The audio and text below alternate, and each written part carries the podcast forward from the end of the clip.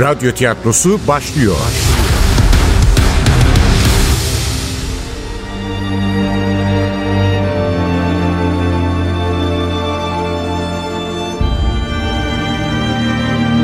Aşkımız eski bir roman.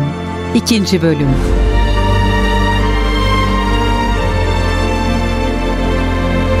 Eser Ahmet Ümit.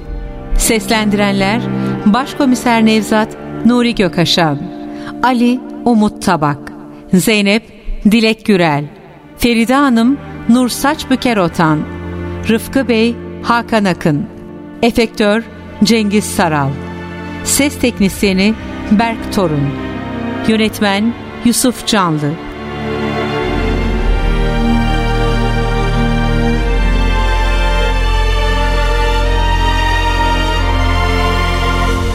Güneş doğarken sızmışım.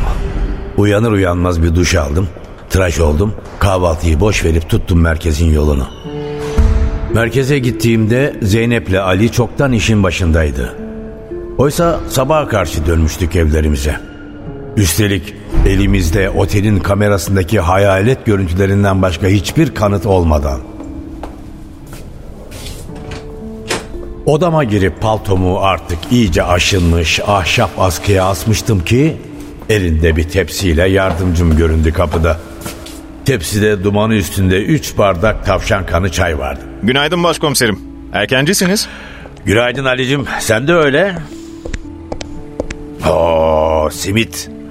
Zeynep kahvaltıyı burada yapıyorsunuz demek. Size de aldık başkomiserim. Sıcacık. İyi yapmışsınız çocuklar. Gelin gelin şöyle masanın başına oturalım. Peynir de var odamda. Kapıp geleyim bir koşu. Dur dur dur. Benim içinse zahmet etme. Peynir yemiyorum. Kolesterol yüksek çıktı oğlum. Check-up mı yaptırdınız başkomiserim? Ne var bunda Ali? Senin de yaptırman lazım. Kalp krizi gençleri de vuruyor. Yani başkomiserim siz yaşlı değilsiniz de... Ay şey demek istedim. Aldırma kızım. Ben yaşımdan da kalbimden de memnunum. Aslına bakarsan önceleri ben de senin gibi düşünüyordum Ali. Biz erkekler bu konuda acayip cahiliz. Bize bir şey olmaz diyoruz. Zeynep haklı. Bir hafta önce Sıtkı komiser patlattı kalbi. Senin yaşındaydı çocuk. Ondan ne farkın var? Hatta daha büyük risk altındasın. Çünkü gerginsin, öfkelisin. Üfürükten nem kapıyorsun. Ha, sana böyle söylüyorum. Ben daha mı bilinçliyim? Hayır. Evgenya zorlamasa doktora falan gideceğim yoktu. Fakat iyi ki gitmişim ha. Gerçi önemli bir sorunum yokmuş. Karaciğer yağlanmış biraz. Biraz da kolesterol fazla çıktı. Yediğimize içtiğimize dikkat edeceğiz yani. Oğlum bizim iş dünyanın en gergin mesleği. Bir de namuslu kalacaksın. Gıllı gışlı işlere bulaşmayacaksın. E, her gün yaşıyoruz işte. Siyasisi karışır, amiri müdahale eder. Parası olan kendini kanunların üzerinde görür. Mesleğini doğru yapmak için sadece akıl yetmez. Aynı zamanda kocaman bir yürek gerekir. Ama o yürek çelikten yapılmıyor. Bir süre sonra el bombası gibi gümlüyor işte. O yüreği zamansız gümletmeyelim Ali. Zalimleri sevindirmenin alemi yok. Edip Bey dün geceki kurbandan bahsediyorum başkomiserim.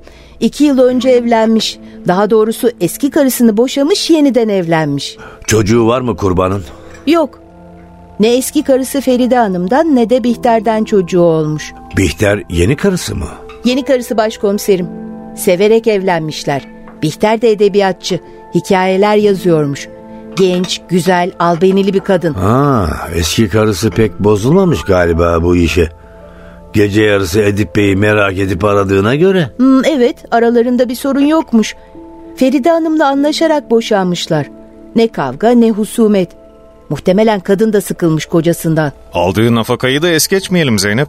Adam bir servet ödemiş kadına. Servet meselesi önemliydi. İnsanlar çoğunlukla ya aşk, ya para ya da intikam için öldürürdü.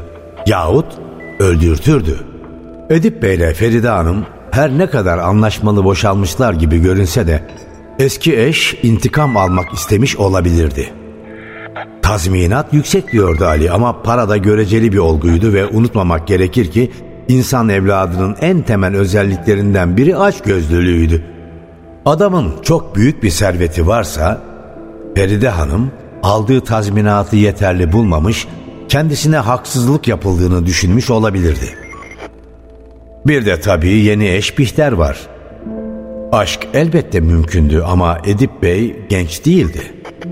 Eh pek yakışıklı da sayılmazdı. Edebiyat.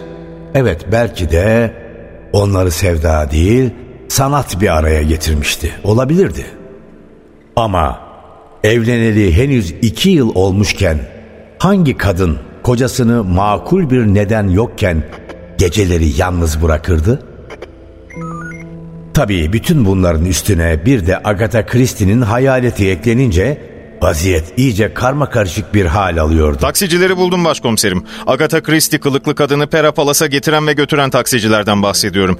İki ayrı kişi ikisi de yadırgamış kadını. Çok ağır bir parfüm sürmüş saatlerce gitmemiş arabanın içinden kokusu. Zengin bir kadındı diyorlar. Aynı zamanda çok da kibar. Pek konuşmamış zaten. Sadece gideceği yeri söylemiş. Nereden almışlar kadını nereye bırakmışlar? Ak merkezini oradan almış ilk taksici, ikinci taksici ise Ulus'ta bırakmış. Ana caddenin üstünde. Belki caddedeki kameralar bize adresi söyler. Aa, tabii katil kendini gizlemek istemediyse. Bu iş planlı cinayet gibi görünüyor başkomiserim. Mümkündü.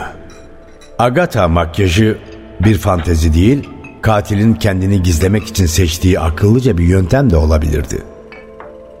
Çay bardağının dibindeki son yudumu da aldıktan sonra toparlandım. Şöyle yapalım arkadaşlar. Ben Feride Hanım'ı ziyaret edeyim. Ali sen de Bihter'in kapısını çal. Bakalım ne anlatacak Edip Bey'in kadınları bize. Zeynep'ciğim sen şu kamera görüntülerine ulaş. Bakalım Agatha Christie'ye benzeyen kadının nereden geldiğine sonra nereye gittiğine dair bir ipucu bulabilecek misin? Ayrıca maktulün telefonla görüştüğü son kişiler kimlermiş? Öğrenebilirsek çok iyi olur. Hadi bakalım hepimiz iş başına.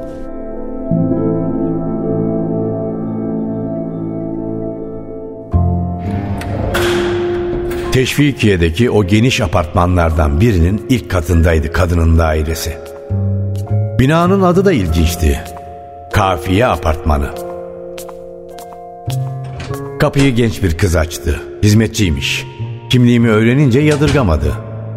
Çoktan ona da ulaşmıştı acı haber. Paltomu aldı, salona buyur etti. Dün gece kurbanı bulduğumuz odadan daha karanlıktı içerisi. Daha sıcak ve ağır bir koku vardı salonda. Uykusuzluğun verdiği rehavet artmaya başladı bende. Modası çoktan geçmiş mobilyaların olduğu genişçe salonun zemini kocaman bir İran halısıyla kaplıydı. Duvarlarda Hoca Ali Rıza, İbrahim Çallı, Şeker Ahmet Paşa ve Osman Hamdi Bey'in olduğunu tahmin ettiğim tablolar asılıydı. El yapımı uzun ahşap sehpaların arasından geçerek Hoca Ali Rıza'nın bir manzara resminin altındaki koltuğa yerleştim. Zengin bir evin gösterişli salonundan çok mütevazı bir müzeyi andırıyordu. Her zaman böyle karanlık mıydı yoksa yas nedeniyle mi kalın kadife perdeler sıkı sıkıya örtülmüştü anlamak zordu. Tam karşımdaki cam altına boyanarak işlenmiş şahmeran resmine bakarken içeri girdi Feride Hanım. Kadını ilk kez görüyordum ama nedense tanıdık geliyordu bana. Kenarları oyalı beyaz bir tülbent vardı başında. Kırçıllaşmış gür saçları, geniş alnı, biçimli kaşları, iri gözleri. Onu görünce gülümsedim ve kendimi ayakta buldum. Yüzü solgundu. Gözlerindeki anlam kederle ağırlaşmıştı ama metin görünüyordu. Merhaba. Gece sizinle konuştum sanırım. Başkomiser Nevzat'tı değil mi? Kusura bakmayın. Şoka uğramıştım. Saçmaladım biraz. Estağfurullah. Kim olsa şaşırırdı. Evet. Hiç beklenmedik bir felaket. Ne büyük talihsizlik. Kim öldürmek ister ki Edip'i? Karıncayı bile incitmekten çekinen bir adamdı. Çılgınlık. Hakikaten çılgınlık. Dünya hiç de iyi bir yere gitmiyor. Lütfen, lütfen oturun. Ne yazık ki öyle hanımefendi. Edip Bey de korkunç bir cinayete kurban gitmiş görünüyor. Cinayet? Allah'ım Edip gibi hoşgörülü, sevecen, hayat dolu bir insanla en son anılacak kelimedir cinayet. Bir yanlışlık olmalı. Yanlışlıkla öldürmüşlerdir Edip'i. Birine benzettiler herhalde. Hiç düşmanı yok muydu Edip Bey'in? Husumetli olduğu birileri. Hayır. Hiç kimseyle husumete düştüğünü görmedim. Anlaşmazlıklar çıktığında kendinden feragat eder, uzlaşma yolu arardı. İnsanlara destek olmayı severdi. Hem maddi hem manevi olarak. E, varlıklı biriymiş Edip Bey. Ne işle uğraşıyordu? İş mi? İşi yoktu. Babası Cenap Bey koleksiyoncuydu. Çok iyi parçalar satın almıştı. Bakın bir kısmı bu duvarlarda zaten. Oradan çok para kazanmışlardı. Çok da mülkü vardı. Onların kira gelirleriyle geçinirdi. Mecidiye köyde Manzum Han var. Babadan kalma. Onun en üst katında çalışırdı. Çalışma dediysem muhasebecisiyle, borsacısıyla, avukatıyla konuşurdu. Bir de arkadaşlarını ağırlardı. İlk tanıştığımızda beni de oraya davet etmişti. Hatta evlilik teklifini bile orada yapmıştı. Kaç yıl evli kaldınız? Beş yıl. Altı ayda nişanlılığımız var. Evet, beş yıl boyunca ne Edip'in kimseye düşman olduğunu gördüm...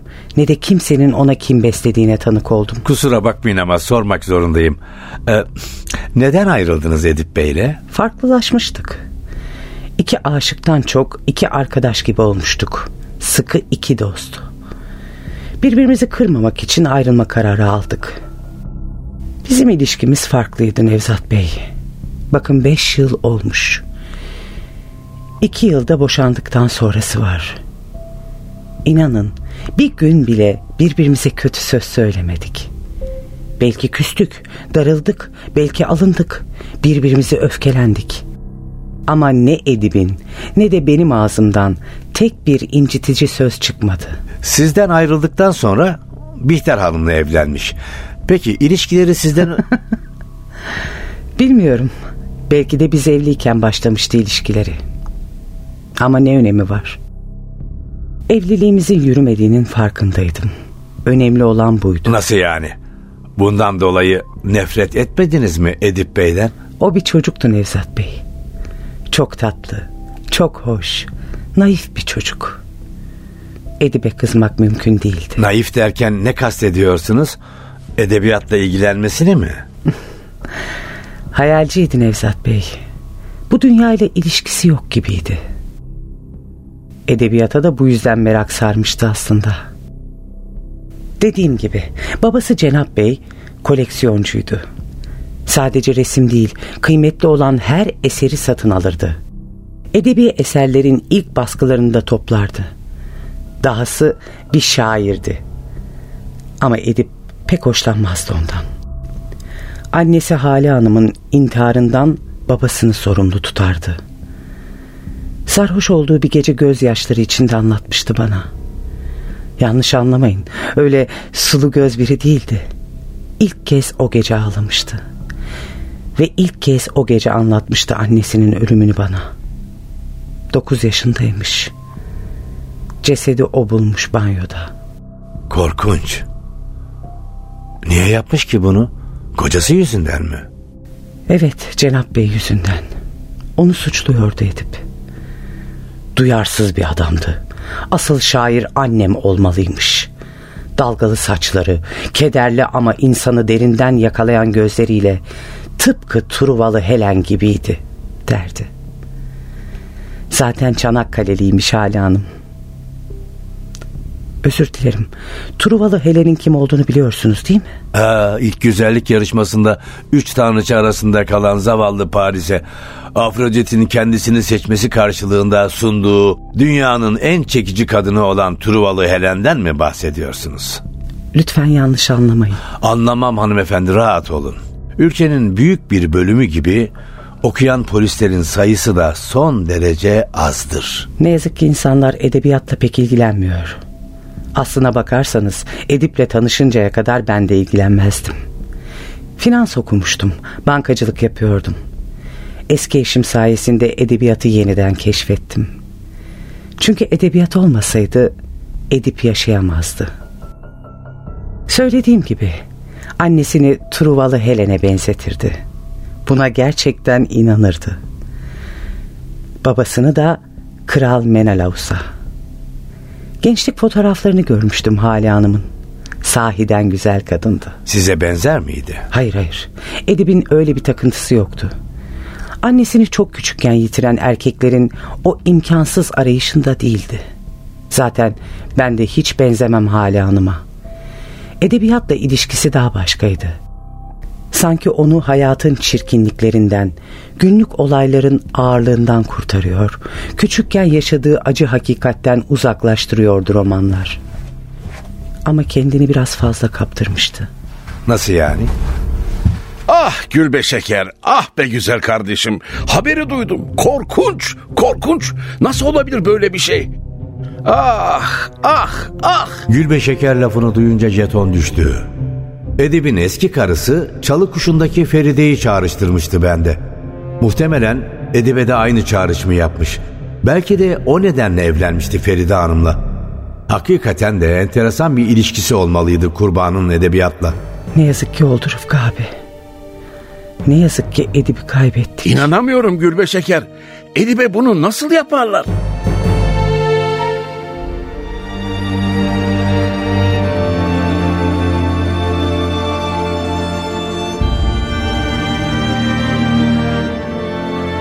Aşkımız eski bir roman.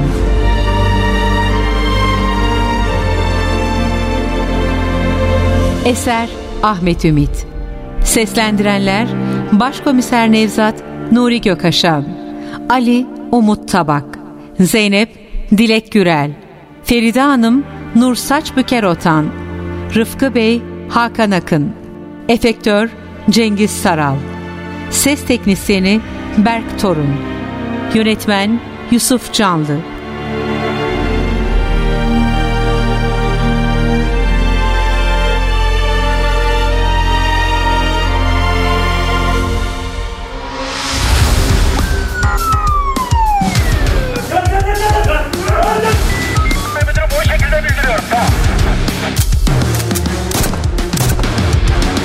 Radyo tiyatrosu sona erdi.